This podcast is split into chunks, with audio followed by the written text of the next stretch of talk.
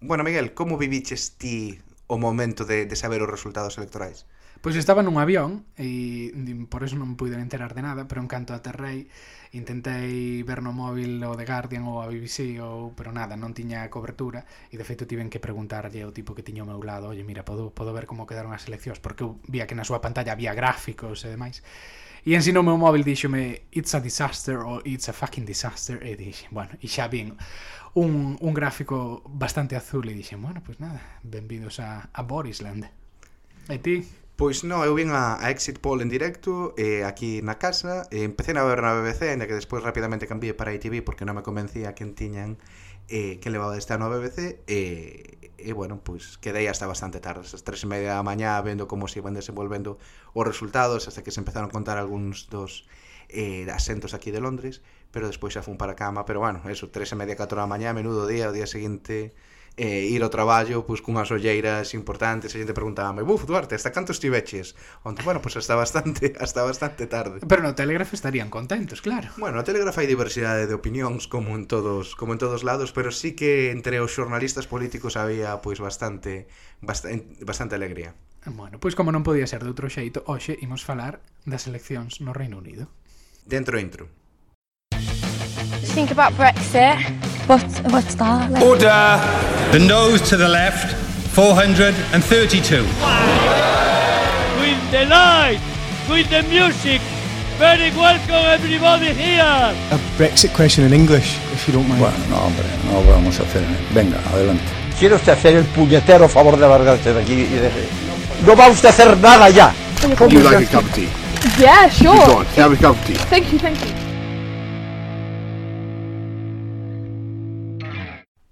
Hai moito que falar, moitísimo. Moito. Moito, moita análise, moitas dúbidas sobre o que vai pasar a partir de agora, agora que hai unha maioría abrumadora dos conservadores. Algúns hasta nos mandaches preguntas por Twitter, que intentaremos responder máis ou menos. Claro, pero imos comezar quero comezar, Duarte, sabendo cal é a túa conclusión destas eleccións, o feito relevante para ti. Pois para min é que cambian de xeito radical a distribución do mapa político no Reino Unido. E iso quere dicir que a xente que tradicionalmente votaba un partido ou xente que tra eh, cal era a base tradicional de algúns partidos está cambiando. Xa non se asocia pois co Partido Laborista coas zonas industriais históricas ao norte e das Midlands de Inglaterra, nin o sur de Inglaterra cos conservadores, como se viña facendo hasta agora. Hai unha o mapa político cambiou uh, radicalmente. As bases dos partidos son son completamente distintas. Cubriremos algo máis eh, máis tarde, pero para min é esa gran historia. Para ti que? Esa, desde logo, pois eh, estou de acordo contigo, pero a maiores diría que é a evidencia da imposición do proxecto nacionalista inglés, por así dicilo, ao conxunto do Reino Unido. É dicir, o Partido Conservador arrasou en Inglaterra, pero eh, en Escocia foi o Scottish National Party, que era un partido pro-Remain, pro-Unión Europea, quen arrasou, sacou un uh -huh. resultado histórico. En Irlanda do Norte, por primeira vez, hai máis deputados nacionalistas e, por tanto, contrarios ao Brexit e a forma de Brexit que quere Boris Johnson. Uh -huh. eh, é dicir, é, é algo histórico, nunca houve máis deputados pero nacionalistas creo que non, que, que unionistas. Que mirar, pero creo que, que a primeira vez. E en Gales, a pesar de que sí que é certo que os conservadores gañaron en circunscripcións que nunca gañaran, eh, o Partido Conservador non gañou. É dicir, a forma, o Brexit, a proposta de Brexit que quería Boris Johnson non gañou, a pesar de que no referendo do, do Brexit de 2016 sí que o Brexit foi a opción mayoritaria. Por tanto, pois é a constatación de que vai haber un conflicto nacional no Reino Unido porque das catro nacións que forman parte do, do Reino tres están en contra do modelo que quere que vai querer o próximo Parlamento de Westminster pero vai ser o Parlamento de Westminster quen, quen decida e quen marca polo peso demográfico de Inglaterra. De Inglaterra, claro. Bueno, pois pues, entón agora creo que imos intentar debullar, debullar non? as dúas, non? Eh, sí, eu creo que no que respecta ao cambio do, do mapa político quizás hai que hai que dar un poquinho de contexto aquí.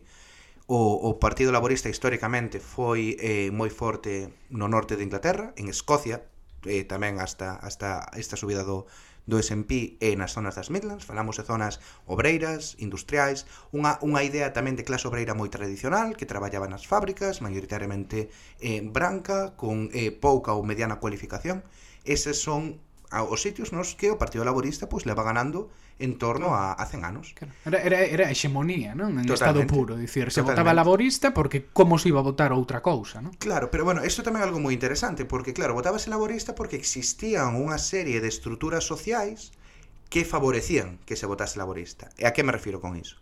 Pois claro, ti votabas laborista porque o sindicato tiña un peso enorme, dicir, ti ibas á fábrica e na fábrica eh, a principal institución era o sindicato, o sindicato que estaba afiliado ao Partido Laborista, todo o mundo era membro do sindicato. Uh -huh. Entón, esa era unha estrutura social que servía non para, para transmitir esa mensaxe ou esa idea do laborismo. Había outra serie de clubs sociais, organizacións, tamén moi vinculadas á, á clase traballadora, tipo os Working Men's Club, que eran clubs sociais para, eh, para obreiros, había eh, institucións educativas tamén vinculadas a eh, aos sindicatos ou a, ou a clase obrera existían todas esta, toda esta sociedade civil non? Que favorecía que houvese un voto un voto laborista. Había vivenda pública e eh, todo iso desde os anos 80 tendeu a desaparecer. E eh, entón agora chegase un momento no que non hai esas estruturas da sociedade civil que favorezan pois un voto un voto laborista a raíz da, da desindustrialización que chegou eh, nos anos nos anos 80 Claro, pero aí a cuestión é desaparecen esas estructuras, pero que o que fai que a xente e as comunidades desas circunscripcións rompan coa tradición laborista. Aí entrou un elemento bueno, disruptivo que fixo o efecto de guerra cultural que foi o Brexit, Eu que creo foi que quen, sí. quen cambiou todo, non? Sí, sí, porque a falta de, de todas esas estruturas, pois pues aparece un elemento novo de guerra cultural que apela ao conservadurismo social que sí que existe nesas, nesas zonas. A identidade de nacional de, bueno, de, bueno, sí, de, outros de soberanía, tempos, somos ingleses, un outros país, tempos millores, bueno, iso, unha certa nostalgia do pasado, e iso pois, funcionou funcionou moi ben nestas eh, nestas áreas. E po, é interesante tamén que outra pola outra banda, eh, zonas conservadoras ou históricamente conservadoras, máis no sur de Inglaterra,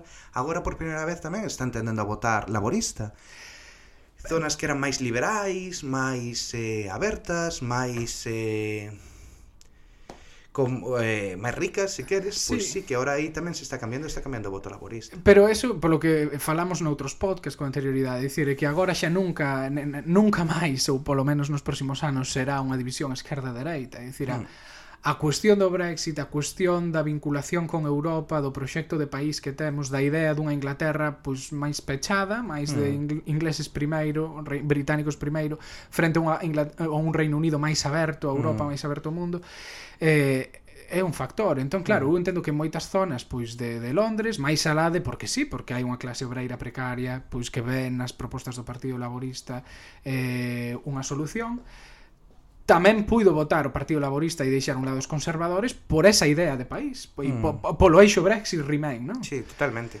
E tamén hai unha cuestión, é dicir, a estrutura de clases tamén está mudando, tamén está mudando moito no Reino Unido, como está mudando en toda Europa. Eu tampouco son dos que compra a, a narrativa de que o Partido Laborista perdeu a clase traballadora. Mm, non, perdeu unha parte da clase traballadora, unha clase traballadora máis asociada ao que foi a clase traballadora do século XX ou incluso no século XIX. Claro. Porque tan clase traballadora é alguén eh, do norte de Inglaterra, eh, branco que, que traballaba nunha fábrica ou que toda a súa familia traballou nunha fábrica, como a persoa, eh, o traballador negro de Streatham ou de Hackney, que, que traballa nunha tenda, non? Eh, o que pasa é que son modelos completamente, dis, bueno, son sí. identidades completamente distintas, claro. pero a súa posición de clase pois pues, é, é bastante é bastante parecida. Entón, onde está sacando, por exemplo, a forza o Partido Laborista? Está sacando en xente que foi á universidade, que igual sí que ten unha identidade tradicionalmente máis asociada coa clase media ou uns hábitos culturais máis asociados coa clase media, uh -huh. pero que a súa posición na economía sigue sendo super precaria porque non teñen ningún tipo de propiedade, non teñen acceso á vivenda porque é moi cara, non teñen investimentos en fondos de inversións, teñen salarios pois medios ou, ou, ou, ou baixos e, e aínda que teñen esa formación, pois a súa postura de clase leva a que voten pois eh, claro. pois laboristas, pero que pasa? Son xente cosmopolita, de cidades, eh, máis abertos a Europa, que contrasta pois con estas eh, vilas medias eh, postindustriais do do norte e do centro de Inglaterra que é o que pasou nos Estados Unidos con estados como Kansas, que nos 60 e 70 eran zonas fortes demócratas de, con industria, con xente sindicada e que agora basicamente son votantes masivos de Trump, pro Tea Party, eh, do sector máis radical do, do Partido Republicano.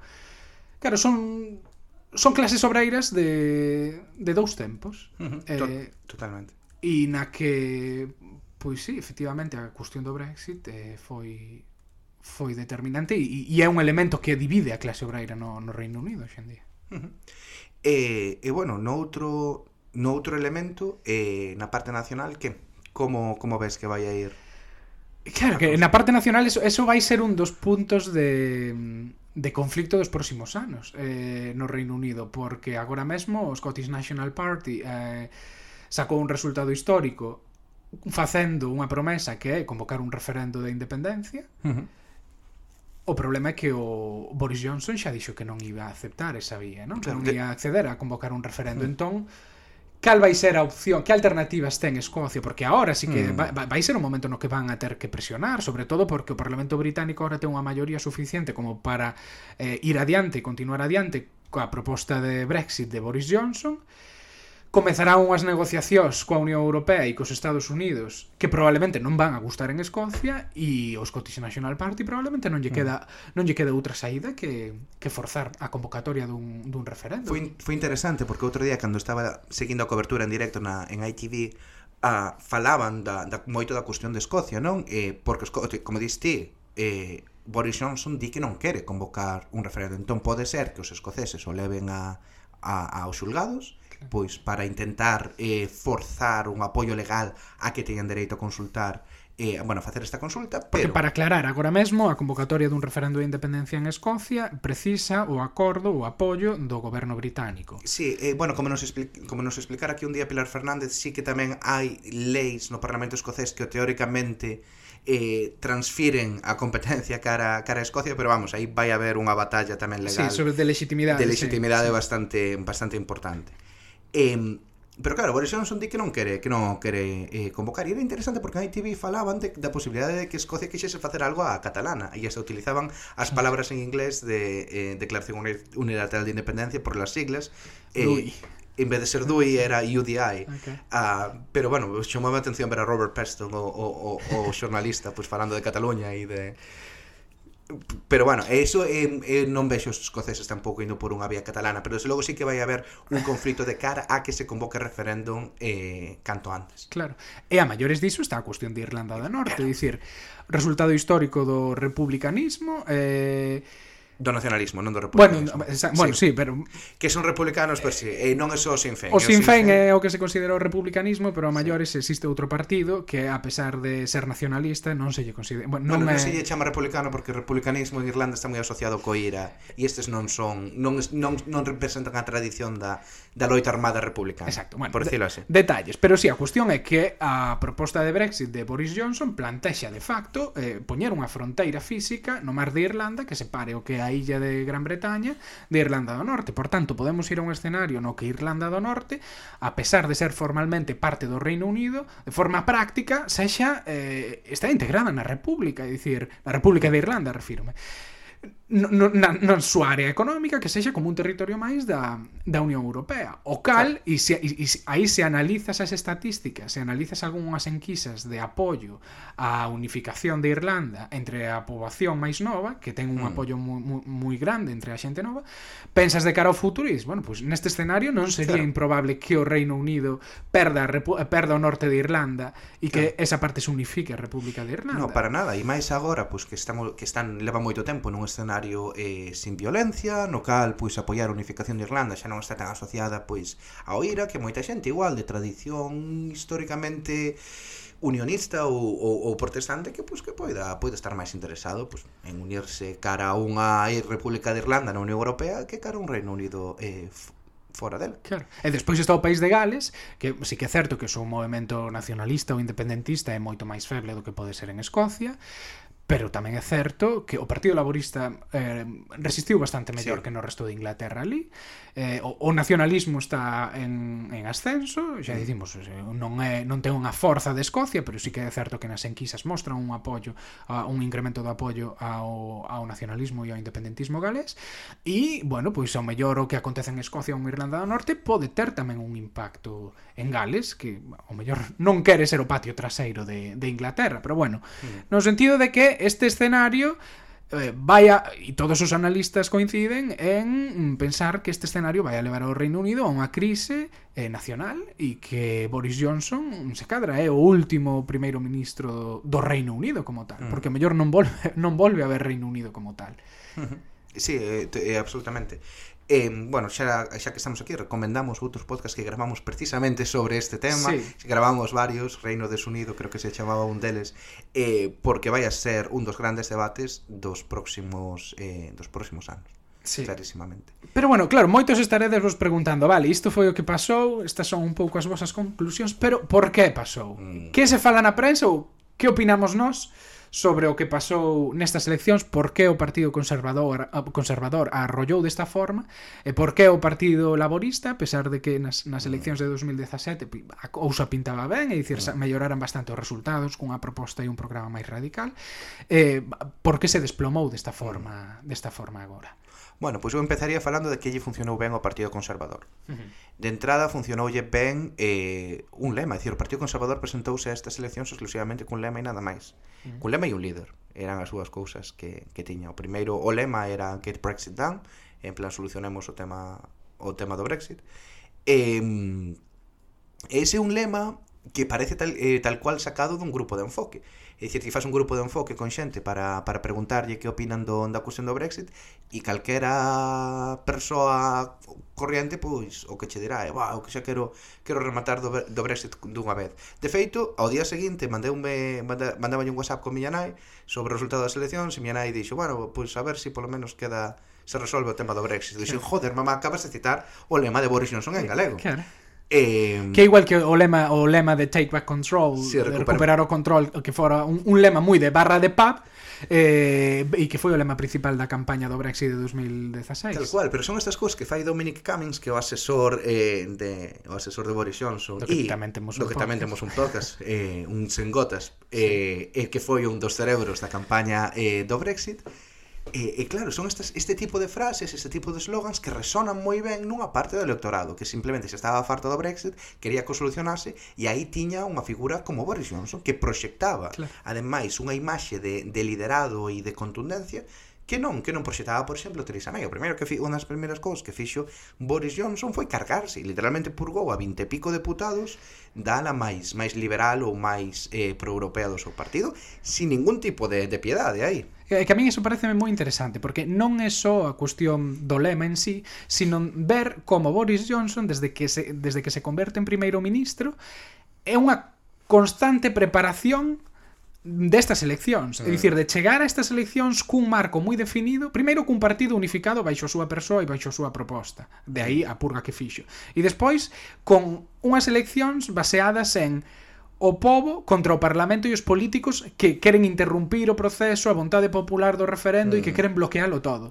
É dicir, ese lema non funcionaría sin ese contexto, sin ese campo de batalla, por así dicilo, e iso foi o que o que o que Boris Johnson e Dominic Cummings veñen facendo desde que chegaron, é dicir, o goberno de Boris Johnson máis máis que un goberno era como unha maquinaria de campaña electoral, mm. pensando xa nesta neste envite. Mm -hmm. De feito, para min era moi significativo que en Sky News todos os días nos informativos cando se facía a cobertura electoral, o lema, o lema de Sky News das eleccións era The Brexit Election. É dicir, non eran as eleccións máis, eran as eleccións sobre o Brexit. Entón, sobre ese marco, que era o marco que lle que, bueno, que era beneficioso para o Partido Conservador, Iso foi foi fundamental para que Boris Johnson sacara este resultado. Uh -huh. E para que a xente non non votase en clave de quen vai defender mellor os meus servizos públicos, senón quen vai solucionar o Brexit poñerlle fin a isto dunha vez. Uh -huh. Sí, eh, completamente, claramente ese foi ese foi o seu éxito. E eh, eh, tamén me parece importante eso, a proxección, a proxección do liderado de eh, de Boris a pesar de que as súas cualidades persoais son bastante pobres, no sentido de que todo o mundo cree que Boris Johnson é unha persoa profundamente deshonesta.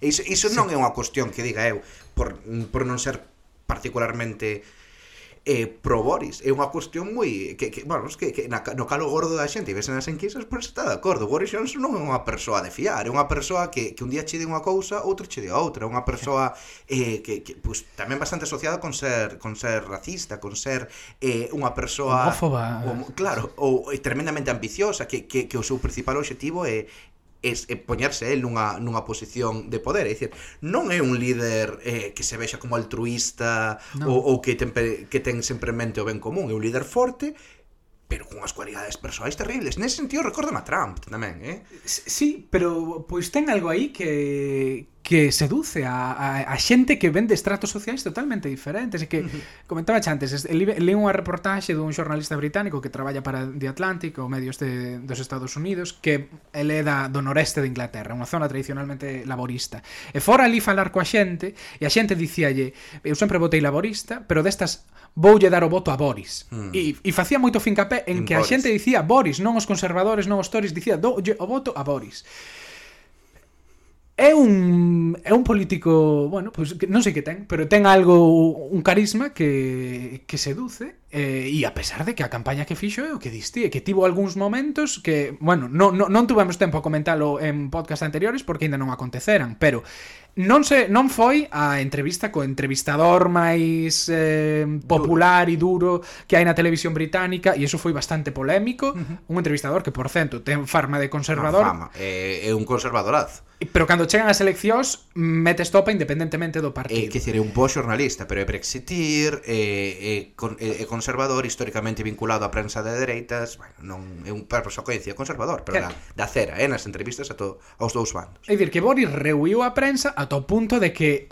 es, escondeuse nun frigorífico, nunha sí, cámara refrigeradora, escapando dun xornalista, eh, e non houve outro caso no que un xornalista da BBC, creo que era, estaba lle facendo unha entrevista. Ah, pois pues non sei se foi da BBC, eh. Houve un caso polémico porque saliu sí. unha imaxe dun neno que estaba nun hospital, non había camas e o puxeron basicamente nun pasillo tumbado eh, sobre un un vamos, un sanorax. Un, un sanorax, en plan, e, e o xornalista estaba lle ensinando a fotografía a Boris. Boris non quería mirar a fotografía, non quería responder sobre a fotografía E colleu o móvil o xornalista e, e puxo no bolsillo, en plan, mm. para con isto. Ata que, o fi, finalmente, non tivo máis remedio que mirar a fotografía porque o xornalista lle dixo eh, Boris Johnson acaba de coller o, seu, o meu teléfono móvil e poñelo no seu peto para non ver a mm. imaxe. Pero no sentido de que tivo unha, cabaña, unha campaña moi cobarde, mm. eh, na que se limitaba simplemente a reproducir ese lema. Claro, iso di tamén bastante sobre a, como funcionan as democracias e as eleccións hoxe en día, non? Uh -huh. Sobre tes a un Boris Johnson cun manifesto sin propostas e cun simple lema e despois tes ao Partido Laborista cun manifesto cheo de propostas uh -huh. moitas delas moi ambiciosas uh -huh pero que non seduce. Que o que mm. seduce é unha mensaxe simple, escueta, sí. repetitiva e así é como funciona unha selección. E tamén hai unha cuestión, non importa moito tampouco a cuestión de dicir a verdade, salir a un análise, penso que da BBC con Full Fact, no que analizaron eh, todos os anuncios sí. de Facebook dos dous grandes partidos e canto era? En torno ao 80%, unha cousa así. Que un, en torno ao 80% dos anuncios en Facebook do Partido Conservador contiñan eh, datos ou falsos ou, eh, bueno, igual non falsos, pero moi cuestionables, fronte sí. ao 0% do seu Partido Laborista. Claro, claro iso, iso é terrible, non? Se te paras a pensar, independentemente de que sexas unha persoa de dereitas ou unha persoa de esquerdas, que, que a forza política que ganou estas eleccións sexa alguén que non ten ningún tipo de reparo en recurrir ás mentiras na súa propaganda electoral e xa fixo exactamente o mesmo durante a campaña do Brexit, mete medo. Claro. Mete medo.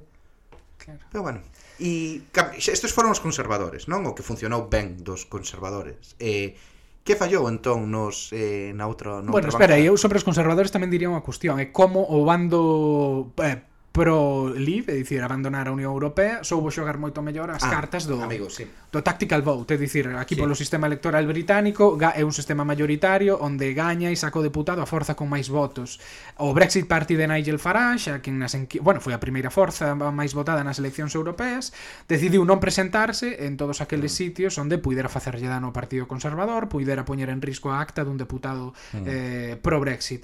Eh, bueno, funcionou mil maravillas, mentres que no, no van votando Remainer eh, houve unha competición entre liberaldemócratas e eh, laboristas principalmente, pero bueno, tamén o Scottish National Party e o Verdes, Play Camry o en Gales, Camry, exacto. Sí. Que fixo que en moitos sitios moi paradigmático Kensington en Londres, que o Partido Laborista o perdeu porque 150 votos, sí, 160 votos. Bueno, tamén o, o ganara da vez anterior por 50 e pico, dicir, estaba en un sitio moi xusto. Pero quero dicir que eses votan, eses votos, eses mill... Eh, foron varios milleiros de votos que sí. foron o Partido Liberal Demócrata, se tiveran idos laboristas, pois pues habería un deputado un deputado Remainer, agora sí. pois un deputado conservador.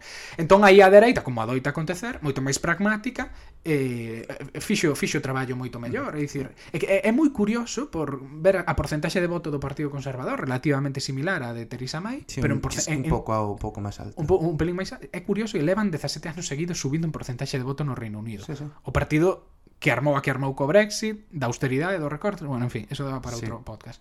Pero no sentido de que foi moito máis efectivo, similar claro. porcentaxe de voto, moitos máis escanos. Uh -huh. Sí, porque incluso o Partido Laborista que levou unha hostia como, como un mundo, e a nivel de escanos a porcentaxe de votos que, que baixou baixou un 8 puntos que é, é duro pero pero foron 60 deputados, eh? ou sea, claro. foi máis dura a baixada en deputados que a baixada a baixada en, en votos. Pero volvendo ao que comentabas sobre o, o bueno, pues, o voto táctico no, no bando brexitier, agora mesmo o Partido Conservador é o partido do Brexit. Saí outro día eh, os datos da enquisa a pé de urna da Exit Poll e a porcentaxe de votantes conservadores que eran vota que tamén foran votantes de Brexit está en torno ao 80 e pico por cento. Entón, o Partido Conservador a día de hoxe o partido dos brexiteers. Claro. E o Partido Laborista, pois, en moitos sentidos tamén o Partido dos Remainers, porque en torno a 80% do, do voto laborista foi eh, foi Remainer. Eso quere dicir que perderon por aí a claro. moitos votantes eh, brexiteers. Claro. Que foron os que acabaron dando ao Partido Conservador pois esta esta maioría. Claro. Claro. Pero bueno, entón, no caso do Partido Laborista, que pensas que aconteceu aí para sacar ese resultado tan mal? Bueno, eu creo que moitas cousas. E, a ver, o Partido Laborista agora vai entrar nun debate, nun proceso de debate bastante longo para ver... Para que iso vai ser analizar, interesante ¿no? tamén, sí. ver como evoluciona iso, ver que análise, que autocrítica fan. Eu creo que hai, vari, que hai varias cousas que funcionaron e que que influíron neste resultado. A primeira é o do Brexit, como vimos falando. Este foron as eleccións do Brexit. E o, Bre e o Partido Laborista leva nunha, posi nunha posición imposible desde, desde, desde que saiu eh, desde que saiu eh, o resultado do referendo que a maior parte das súas bases e a maior parte dos seus votantes eran remainers, pero a maior parte dos seus escanos son en zonas brexiteers. Iso é unha posición imposible, moi difícil de manter, algo que sexa capaz... É, é o que dicía moitas veces o xornalista ou o columnista Owen Jones, non? Que o Partido Laborista intentaba unir, construir unha coalición electoral de Hackney a Hull. Eh, Hackney é un barrio de, de Londres, eh, multicultural, eh, moi pobre, obreiro, bueno, obreiro, nova clase, nova clase obreira, e, eh, e moi remainer. E Hull é unha vila do norte de Inglaterra, posindustrial, clase obreira tradicional, moi brexiteer. Entón, tes que unir, eh, e, e os dous sitios son laboristas, tes que unir eses dous, eses dous tipos de xente, e é moi difícil manter esa coalición. En 2017 foron capaces de facelo eh, porque a situación política non estaba tan polarizada entre Remainers e Libres, pero en 2019 chegouse unha situación eso, na que había a metade do país quería parar Brexit e a outra mitade quería un, o, o, a forma máis dura de Brexit eh, posible. Entón aí unir estes dous sectores pois era, era extremadamente difícil. E o Partido Laborista tardou un montón, sí. un montón de tempo en definir unha postura unha postura sobre Brexit. E incluso cando definiu, pois non era unha postura moi clara.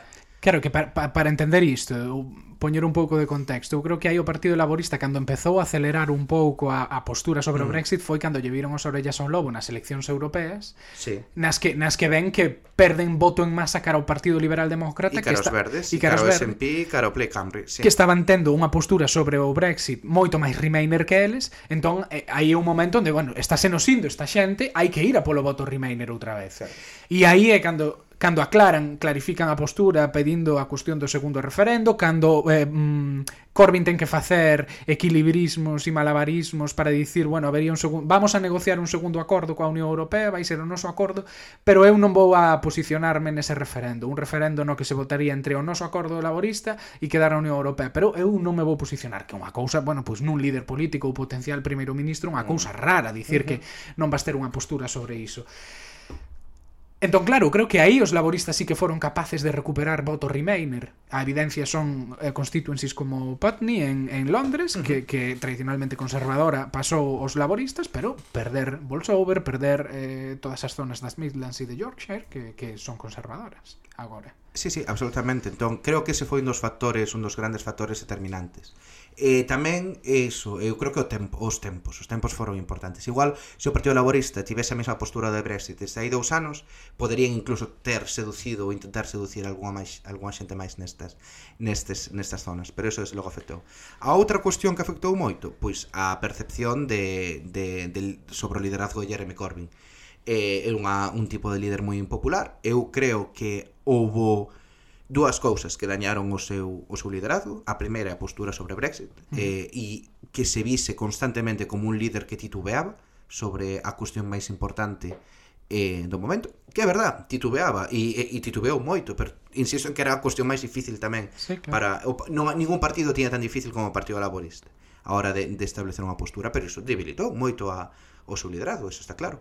E, e a outra cuestión que, debili, que na miña opinión debilitou o seu liderazgo foi o, do, o a cuestión do antisemitismo do que tamén xa gravamos eh, un podcast. Non creo que moita xente chegase a, ao centro de votación dicindo non vou votar laborismo polo antisemitismo, pero que se estivese falando constantemente do, do antisemitismo no Partido Laborista sí que foi un elemento que serviu para minar a percepción de, de, de Corbyn como, como líder e que esas dúas cuestións pois fixeron fixeron moito daño dentro do que son as súas, as súas valoracións como como como futuro eh, primeiro ministro ou posible primeiro ministro. O, outro punto que en algúns artigos, incluso xente do propio Partido Laborista, incluso xente de Momentum, uh -huh. dicir, do grupo máis próximo a Corbyn, eh, dicían era que probablemente o manifesto mm. non foi o mellor mm. que probablemente non non foi o mellor ter tantas propostas había un vídeo de campaña que para mm. min é paradigmático disto, eh, que era basicamente Jeremy Corbyn eh, citando propostas do seu manifesto en 60 segundos, mm. que se espallou por redes sociais. E parecía que afogaba, e moita proposta, moita idea, cousas moi distintas. Había moita xente que dicía que probablemente esa non sexa a mellor estrategia, mm. e se, a, se o comparas coa campaña dos, dos conservadores, que foi simplemente un lema e xa está, mm. mensaxe repetitivo e demais. E despois que algunhas propostas que se fixeron foron un pouco caídas do ceo, non? A cuestión da banda ancha para todos, eh, que foi unha das propostas estrela, é algo co que non se levaba anos facendo pedagogía ou traballo claro. ou que fose. Eh, e, e hai xente do propio partido que dicía que nos canvasen, nos porta a porta, pois o que vían era que ese tipo de propostas non non callaban moito, non? Pero porque a mí a mí tamén me deu a sensación cando lín esa proposta que pareceme un pouco unha idea un pouco peregrina, honestamente, dicir, bueno, pois pues vamos a propoñer banda ancha gratuita para todos. Dis, ostras, de onde, de onde saiu isto? Que distí, non é algo do que se, co que estivese traballando 2017 creo que o manifesto, a pesar de que incluía moito menos, eh, era moito máis claro, porque se ti me preguntas agora, que, de que se falou no manifesto 2017? De abolición das taxas universitarias e nacionalización de, eh, de ferrocarril. Son as dúas grandes cousas das que se, das que se falou. Eso tamén estaba incluído no manifesto deste ano. Claro. Pero claro, había 50.000 historias máis. Entón, aí a dificultade que distí, que se tían que ter concentrado en cousas que resonasen máis, pois eu creo que, por exemplo, a parte de políticas verdes e Green New Deal era era moi importante, sobre todo para este voto eh, urbano e de novas clases traballadoras que sí que entenden que iso é moi importante e seguir coa cuestión da nacionalización e do investimento en infraestructuras que cho van a valorar moito nas zonas de clase obreira tra tradicional do, do norte das Midlands. O cal non quere dicir que ti como partido, en caso de que chegues ao goberno, non, non teñas un programa facer, claro. e unha lista de propostas moi clara, moi definida, pero a cuestión é como transmites, claro. non? É dicir, a, a, a cuestión é a mensaxe que levas, como comunicas, como orientas a campaña. Entón, se si pretendes abarcalo todo a achegar moitas propostas, ao final non acaba chegando nada. Sen embargo, se repites unha machaconamente, pois claro. parece que ten máis máis éxito. Agora o interesante vai ser que que pasa no Partido Laborista, é dicir, o corbinismo como como Corbyn eh desaparece, é dicir, eh, vai vai a hora de dimitir pois pues, ao long, a principios do ano que ven, eh vai haber un proceso agora nos próximos meses un proceso de debate que culminará pois coa elección dun novo líder. Aparte, en 2020 son as eleccións municipais, non? O... Sempre hai eleccións municipais todos os pero anos. Pero non, é a de Londres. A de Londres, sí. Grandes. Sí, bueno, pero Eso visto, visto, visto Londres, ou seja, Londres sí, non, non debería é, haber problemas. É o gran baluarte do, do laborismo. Londres sí. é casi outro outro país. De canto era? De 77 circunscripcións? Cantas foron? De 90, 77 son laboristas. De no... Algo claro. así, números estimados. Pero sí. Claro, é unha... Ah, bueno, claro. Ahora mismo Londres é... Eh Eh, sí, é dicir, se onde está a bandeira vermella ondeando. Claro, se había un muro vermello nas Midlands, eh, sí. eh, agora o muro vermello pois está, está en Londres. Está en Londres, sí, claro. sí, sí. E que claro, Londres é eso, é, e xa non é a clase obreira blanca, non? Son é, é multicultural, é negra, é asiática, é, é polaca, son fillos de emigrantes, repartidores do delíbero, traballadores de hostelería, de calquer bueno, outro sector tamén, servizos sí, universitarios que poden estar traballando nunha oficina sí, pero sí. Que, que, que viven de alugueiro e que gastan mai, sí. pois un terzo ou a metade do seu salario en alugueiro. E a outra metade casi en transporte, sí, claro. decir, sí. Eh, pero bueno, claro, a cuestión para min vai a ser non só quen vai a ser o líder, que evidentemente é moi importante, senón que interpretación se fai destas eleccións e do papel que tiveron as políticas. Porque eu creo que un, mirando de xeito retrospectivo estes 4 anos de, de Jeremy Corbyn, unha unha cousa que sí que conseguiu é cambiar radicalmente o debate en torno á economía, é dicir, os conservadores nestas eleccións dixeron que había que invertir máis. É dicir, era austeridade e morreu. E nese sentido, o Jeremy Corbyn foi unha persoa fundamental para facer eso. Cando cando foi a elección de Jeremy Corbyn, os outros os outros tres candidatos, o que dicían que Ed Miliband, o líder anterior, fora demasiado á esquerda. É dicir, esa foi esa era a situación que había en 2015. Entón, sí que tivo un papel a hora de virar sustancialmente a esquerda todo, non só o Partido Laborista, sino en todo o debate político. A cuestión é, como se vai interpretar agora isto? Vaise querer dicir, bueno, pois o problema non foi igual o liderado de Jeremy, só o liderado de Jeremy Corbyn a postura do Brexit, e que fomos moi radicais na economía e temos que transitar cada posturas máis centristas como eh, das de Tony Blair, etc. Eso para min vai a ser o, o fundamental. Que esa foi a interpretación que se fixera no Partido Laborista nos anos 80, cando Thatcher barre uh -huh. e conclúen que o que ten que facer o partido é escorarse máis ao centro e aí é cando xurde, é o que dá pé a que xurda Tony Blair e o blairismo, que bueno, despois foilles ben, uh -huh. pero eu creo que estamos en momentos moi diferentes, é dicir, Eu aí, e eu creo que eso incluso xente da dereita yo concede a Corbyn, é dicir, que hai, vai deixar un pouso que el pode desaparecer, pero no partido hai xa milleiros de militantes que chegaron e que teñen claras unhas propostas de esquerda moito máis radical, e iso eu creo que vai permanecer aí. Para, para dar un dato, desde que Corbyn chegou, cando Corbyn chegou ao líder, veía en torno a 150.000 militantes e agora hai en torno a 500.000. Para darnos unha idea claro. do, do tamaño Pero eu creo que precisamente o que dicías, eu creo que o, o corbinismo e o novo Partido Laborista o que fixo é que moita xente que se politizou na esquerda, xente nova de clase obreira, mm. máis cosmopolita urbana, asumiu un programa de esquerda moito máis radical e eso eu dubido moito que se vaya que vaya a desaparecer. Sí que é mm. certo que hai sectores máis centristas do partido que lóxicamente eh, van a intentar aproveitar esta esta situación, esta derrota para retomar o control ou gañar máis peso, pero bueno, levan facendo iso desde que Corbyn chegou ao poder, son mm. os mismos que levan profetizando que Corbyn se vai que se iba a pegar un leñazo nas eleccións de 2017 porque era moi radical e ao final saliu ben eu honestamente non hai ningún dato que me leve a pensar que un xiro ao centro sexa máis beneficioso. En Europa, ningún partido socialdemócrata que, é dicir, é que Boris Johnson non gaña por ser eh, por ser un, claro, un, pro, un claro. candidato conservador máis centrista, é o contrario, é eh, por ser un candidato máis radical. E que cargouse todo a todo o centrismo ao seu partido. Exacto. David Cameron era o centrista ao seu partido. Claro. Eh, centrista, vamos a matizar moito eso porque na economía de David Cameron, bueno, pero Boris Johnson non é un candidato sí, centrista. É, é, é, dicir, é, as posturas máis centristas eh, que É dicir, cando foi o referendo de 2016 A xente non apoiou por ese tipo de personaxes mm. máis de centro Tony Blair, Cameron que apoiaban Remain, É dicir, mm. votaron polo Brexit Non votaron por por esa xente de clase media alta Que apo, aboga polo centrismo, non Entón, Eu honestamente creo que no Partido Laborista e pola, polos perfis de candidatos que se están a valorar agora mm. para tomar o relevo de Corbyn non, non creo que vaya a haber eh, un, un dema, demasiada viraxe o centro. Si que é certo, bueno, pois pues que o mellor en algunhas cousas se, se pode rebaixar, hmm. pero eu creo que Corbyn deixou un pouso que vai quedar aí. Pois pues a ver, iremoslo comentando en, en vindeiros podcast. Eh, pero bueno, unha cousa que dicías ti de que é verdade que a xente non votou, ce, non votou centrismo, Porque recordemos que hai un partido do que non falamos nada e non falamos nada por, por unha razón, porque é completamente irrelevante que foron o Partido Liberal Demócrata. Sí, que perderon deputados. Claro, eh, presentáronse nestas eleccións dicindo que Joe Swinson, a súa líder, iba a ser a próxima primeira ministra e que iban a ganar eh, centos de, de sitios en Inglaterra e agora non é nin deputada, porque perdeu o seu asiento por eh, uns centos de votos en, sí. en Escocia a favor do, do Scottish National Party.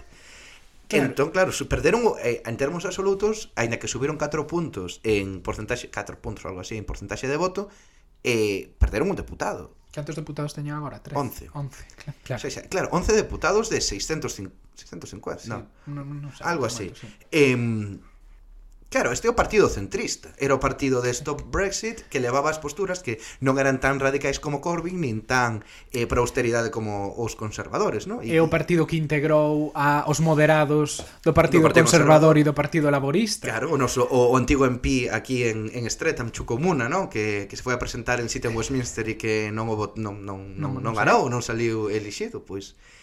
Eso, eso foi, eso foron os votos que levou que levou o centrismo no Reino Unido. Claro. A min eh, o, o, o que aconteza co Partido Laborista, lóxicamente pareceme moi interesante, pero pareceme tamén moi interesante que vai acontecer co Partido Conservador. Porque hmm. claro, mm. é dicir, o partido con ata que punto Boris Johnson vai ser capaz de cambiar ou vai querer cambiar o que o Partido Conservador foi tradicionalmente neste país. Porque agora mesmo o Partido Conservador, que xa perdeu zonas co, a, máis urbanas, máis cosmopolitas como Londres, e que depende de zonas do norte de Inglaterra tradicionalmente laboristas de eso, de clase eh, clase traballadora, blanca eh, zonas posindustriais Boris Johnson vai ter que dar unha solución a toda esa xente. Pero para... esa xente quere máis Estado. Eso... Esa xente quere máis protección ante a globalización, mm. quere máis investimento público, e dicir, Boris Johnson sí que é certo que a súa campaña era Get Brexit Done, pero tamén facía moito finca, fincapé no NHS, uh en, en, eh, o, o Servizo Nacional de Saúde, en mellorar o financiamento do Servizo Nacional de Saúde, en mellorar as infraestructuras. Entón, Ata que punto o Partido Conservador e o, seu, e o equipo de Boris Johnson, que era un equipo de xente moi neoliberal, moi a favor de desregularizar no económico o país, que eu honestamente penso que moitos deles non son nin partidarios de ter un servizo público de saúde e que o mellor estarían máis partidarios de ter un, un modelo como o dos Estados bueno, Unidos. Eu creo que algúns tipo Dominic Raab e Priti Patel e esta xente... Bueno, bueno, son, eh, sí, son eh, halcones, son, é dicir, son sí, sí. xente moi radical. Ata que punto esa xente eh, vai, vai ter que xestionar unhas contradiccións brutal, ata, mm. brutais, ata que punto o partido vai cambiar e convertirse en algo novo para adaptarse a esta nova realidade electoral na que se sostén. Eso vai ser moi curioso e, e vai ser curioso ver como, bueno, pues como Boris Johnson pode pode facer do conservadurismo un un movemento pois de moi moi persoal, como o que puido ser Thatcher no seu día, que, que foi unha muller que, que cambiou o partido por completo e que mm. meteulle unha, bueno, pues un impulso novo, cunha nova filosofía moito máis neoliberal. Non sei se con, con Boris Johnson vamos a ver algo así noutro sentido, se cadra pois algo máis proteccionista, mm. algo máis, non sei, algo máis como pode ser a Frente Nacional en Francia con Le Pen, que fai moito fincapé nun programa social, de servizos públicos, pero para os británicos, eh, para, para os franceses primeiro, neste caso serían os británicos. Eh, a mí eso parece moi curioso. Eu, eu honestamente non é verdade, pero non que que iso vexe un rato, pero tampouco vexo agora facendo iso. A ver, vai, vai, vai depender moito tamén de que perfil de xente son estes novos deputados que se acaban de elixir nas zonas históricamente obreiras, porque sí que hai algúns que que teñen perfis que son tradicionalmente xente pois, que asociarías máis con candidatos laboristas, pois que traballan no NHS ou que traballaron no sector público, que aí normalmente a xente tende a ser máis máis laborista, eh, pero bueno, eh, esta xente vai, vai a chegar ao Parlamento e vai a decir, bueno, queremos inversión, queremos máis Estado, porque te, en cinco anos temos que volver a ganar estas claro. estas circunscripcións.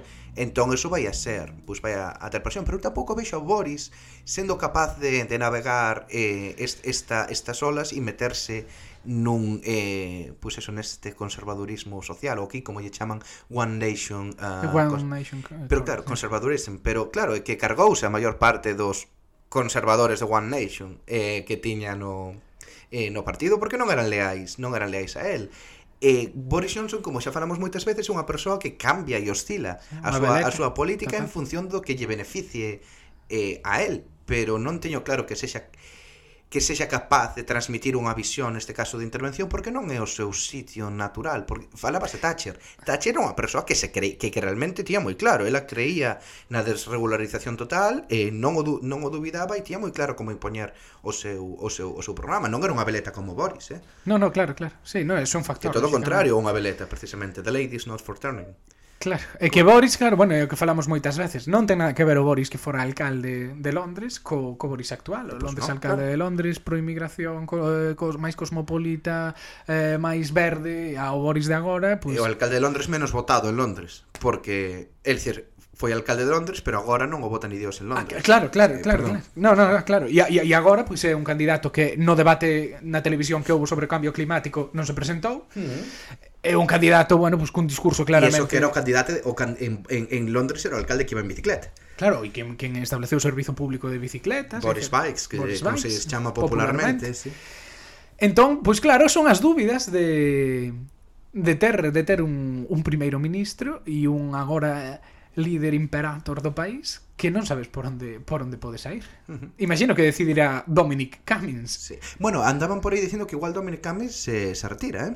que xa, xa, xa o fixo todo na vida. Non, bueno, que se retira, que, que, que se pasa para outra cousa, que Dominic Cummings, bueno, de feito, pospuxo unha operación que tiña que, que ter para, para o tema da, eh, da campaña, pero que igual xa despois de ter ganado isto, que, que es que pase e se vai a outra a outro, a outro reto. Eu creo que ele estaba bastante obsesionado co, bre, co Brexit hmm. como tal, porque de feito, aí cando rescatan para a campaña do Brexit, el eh, levaba uns anos fora de todo, encerrado na súa na súa casa no rural británico lendo hmm. libros de autores rusos e o rescatan un pouco como hmm. ideólogo para toda a campaña e el dixo que aceptaba porque era polo Brexit. Uh -huh. Entón, bueno, pode ser, a mellor agora si en canto o Reino Unido xa confirma a súa saída da Unión, xa que, que a súa labor está feita, sí. sí. sí. E nada, pois que nos por que nos queda falar? Eso xa falamos dos liberaldemócratas, de da hostia que se comeron, dos laboristas, Sí, do... falamos de Irlanda do Norte, falamos de Escocia. Vai ser moi interesante o de Escocia.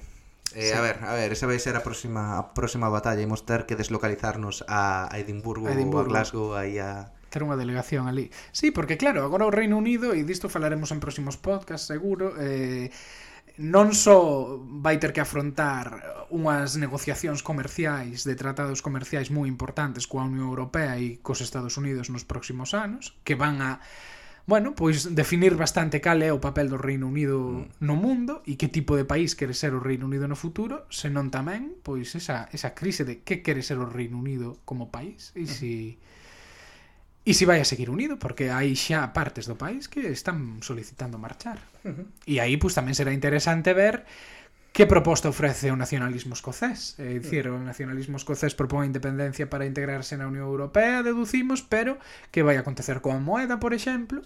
Vai a seguir tendo a dependencia da, da Libra de Londres? Vai a entrar no grupo do euro? Ábrese outra caixa de Pandora por si non houbera xa suficientes abertas co Brexit iremos cubrindo isto nos próximos eh, meses e anos porque meses vai, anos. seguir falando moito eh, moito disto pero bueno, quizáis eh, xa non hai moito máis que comentar das eleccións ata aquí eh, chegamos A partir de agora, lembrade, bueno, lembrade, eh, anunciamos, porque non, non comentáramos antes, que nos imos tomar unhas pequenas eh, vacacións. Sí, de Nadal. Agora para o Nadal, que non imos estar en, en Londres, non imos quedar para gravar os podcasts. E volveremos en xaneiro, principios de xaneiro, tampouco vos queremos deixar moito tempo sin, sin o voso te con gotas, uh -huh. pero pero si sí que non imos estar, tampouco imos actualizar a, a páxina de Patreon para os nosos queridos socios e socias, que por certo, lembrade que vos podedes asociar ao te con gotas por desde un módico precio de 2 eh, en dólares 50 hasta, hasta un máximo de, de 10 xa son máis de 20 na comunidade son un montón, agora, si, sí, ahora mismo temos aí unha pequena comunidade de. Oye, mire, pois pues mira, un bo regalo para o Nadal. O apalpador como non se nos, como non se nos ocurriu iso antes? O apalpador, oye, mire, pois pues, se si queredes facer un bo regalo do apalpador ou dos Reis Magos dependendo do que celebredes, un té con gotas sí. eh, suscripción do té con gotas Perfecto. Para a xente que está suscrita, que está esperando pegatinas e tazas, esas cousas, Chegarán. pois é o noso o noso traballo agora para as vacacións de Nadal. Chegarán. Sí. Eh, imprimir e enviar esas esas tazas e esas pegatinas, E así que nas próximas semanas empezaremos a, a facer os envíos. Posiblemente poñamos algo en Facebook cando cando sí. teñamos as tazas e estemos empezando a enviar, pero sí, temos que facer agora ainda o primeiro pedido para satisfacer eso, a demanda dos nosos 20 e pico eh, socios. E a ver, unha cousa, a cuestión das eleccións é unha cousa moi amplia, tentamos, eu creo que abarcalo o mellor posible, pero se tedes algunha dúbida, queredes que aclaremos algunha cousa en especial, mandádenos unha mensaxe, algúns dos puntos que cubrimos hoxe, cubrímolos precisamente porque a través de Twitter algúns de vos nos comentastes, "Oye, explicade isto que vai a acontecer con mm. Escocia agora, cuestión nacional".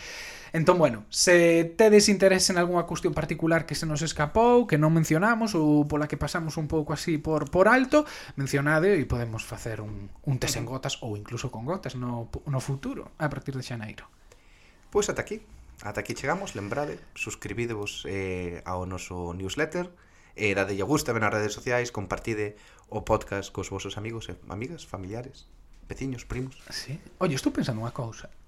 É o Estamos preto xa de facer un ano. Estamos moi preto de facer un ano en febreiro. Hai que facer algo... Festa aniversario. Había que facer unha festa aniversario. Festa sí. Se tedes algunha idea de que podemos facer para a festa aniversario dun ano, por favor, poñedevos en contacto con nós en tecongotas.gmail.com ou entrade en Facebook, Twitter, buscade tecongotas. Se evitade propostas como unha festa en Londres e que nos paguedes os billetes de avión desde Galiza, porque non va a pasar. Eh... Pero bueno, sí, calquera idea é benvida. Escoitámonos de volta en xaneiro. Bo Nadal a todos. Bo Nadal.